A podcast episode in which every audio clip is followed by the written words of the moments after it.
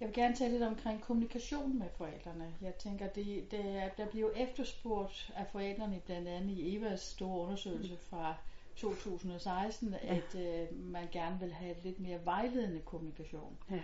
Eller en stor procentdel af forældrene efterspørger det. Kommunikation, vi har jo altid talt med forældrene, det er jo mm. ikke noget nyt. Er det, men jeg tænker lidt, er der sket noget nyt i forhold til jeres måde at kommunikere med forældrene på, efter I sådan har reflekteret lidt omkring det? Ja, det vil jeg sige. Øh, en, der, er, der er en, et stort fokus på at skabe relationen først, i forhold til, at der skal være en gensidig tillid. Og du bliver nødt til at have relationer med et andet menneske, før at der kan skabes en, en tillid.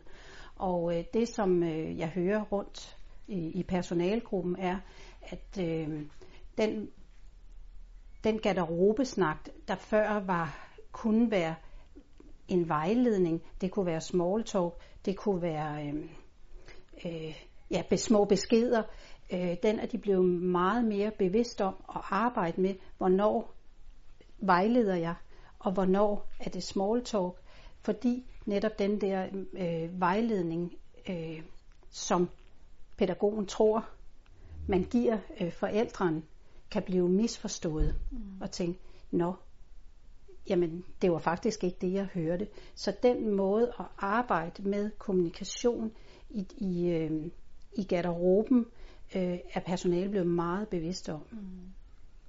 Hvornår bliver vejledning vanskeligt? Øh, vejledning bliver vanskeligt, når den faglige, hvis den faglige, øh, fagligheden, kompetencerne ikke er, er på plads i forhold til at kunne vejlede fagligt, mm. så kan det give øh, et mis. Et For, ja. ja.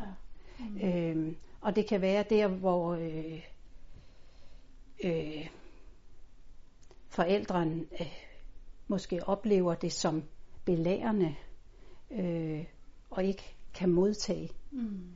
Og, og jeg hører i forhold til relationsarbejde, at hvis ikke relationen er i orden, så er det svært at, at modtage som forældre. Ja, ja. Altså, det er det, de oplever. Ja. Ja. Så sker der ikke en kobling til, Nej. men nærmest en dekobling. Nej, ja. ja.